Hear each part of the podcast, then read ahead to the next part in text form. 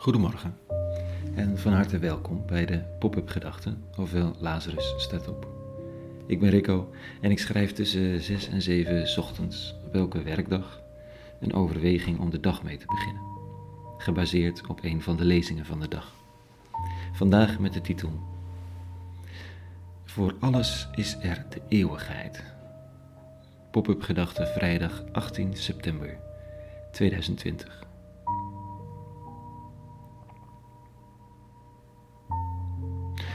Als je twintig bent, heb je dat hele leven nog voor je.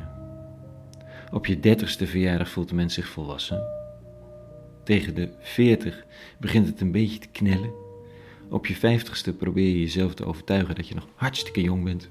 Op je zestigste weet je dat je in elk geval je werkende leven er mogelijk zo'n beetje op zit. Op je zeventigste ga je terugkijken, etc. Als je dat al haalt, allemaal, natuurlijk. En het verschilt allemaal per karakter en type mens en omgeving en gezondheid en nog veel meer. Maar het ingebouwde rekensommetje, dat verschilt bijna niet. Ik ben nu 39. Hoeveel kan ik nog doen? En wat komt er niet meer terug? Je moet wel zorgen dat je iets hebt achtergelaten, zegt iemand dan. Ik moet zeggen dat ik die druk aan de ene kant wel een beetje gezond misschien vind en aan de andere kant ingewikkeld. Word volwassen, dat lijkt me een zinnige oproep aan iedereen die de volwassen leeftijd bereikt. Neem verantwoordelijkheid, neem je plek in. Doe het zo speels en zo dwars als je wilt, maar pak die positie. Je bent volwassen.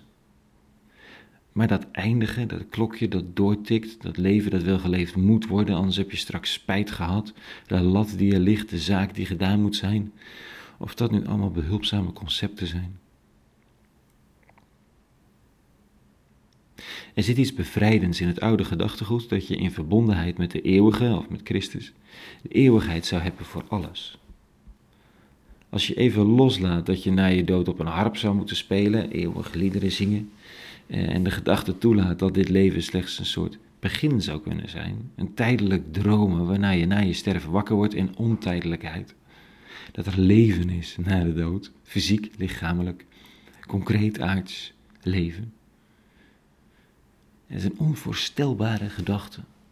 Werkelijk onvoorstelbaar. Sommigen haken af omdat het te onvoorstelbaar is. Anderen zeggen, ga door. Die haken af omdat het voor hen te voorspelbaar is. Die zijn hun hele leven al doodgegooid met het leven na dit leven en nemen het voetstoots aan. Zonder het overigens echt te voelen, want dat is bijna niet te doen. Als het toch waar zou zijn, dan is alles wat we hier doen slechts spelen in de zandbak serieus spel hoor. Het, gaat om echte mensen, echte levens, echte hoop, echte liefde. Maar wel met de gedachte dat alles wat van waarde is, eeuwigheidswaarde heeft.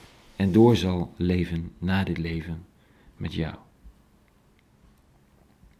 Vandaag schrijft Paulus: Indien we enkel voor dit leven onze hoop op Christus hebben gevestigd, dan zijn wij de beklagenswaardigste van alle mensen. Maar zo is het niet. Christus is opgestaan uit de doden als eersteling van hen die ontslapen zijn.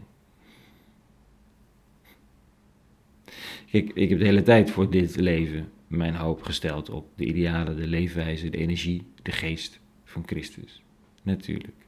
En ik voel me absoluut niet beklagenswaardig, beste Paulus. Er zit, maar er zit iets in het toenmalige denken dat, dat niet bestaan uiteindelijk de vloek is. Dat je bestaan wordt uitgewist. Dat het is alsof je nooit geleefd hebt. Dat is de dood, de echte dood. Volgens Paulus is in Christus alles wat je hier doet, wat waarde heeft, slechts een stapje op een grootse weg de eeuwigheid in. Het voortbestaan. Ik kan me er nogmaals niets concreets bij voorstellen en het duizelt gelijk van de vragen over hoe iemand zich zoiets voor zich zou zien. Wat er leuk aan is, aan die gedachte, dat is er namelijk wel. En dat het niet uitmaakt.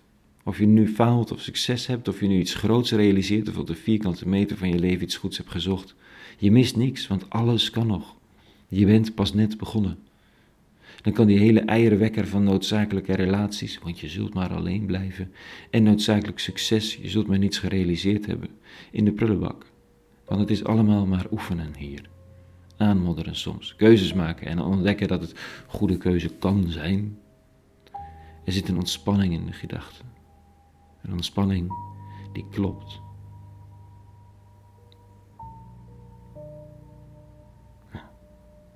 Tot zover vanochtend. Een hele goede vrijdag gewenst. Een goed weekend en vrede. En alle goeds.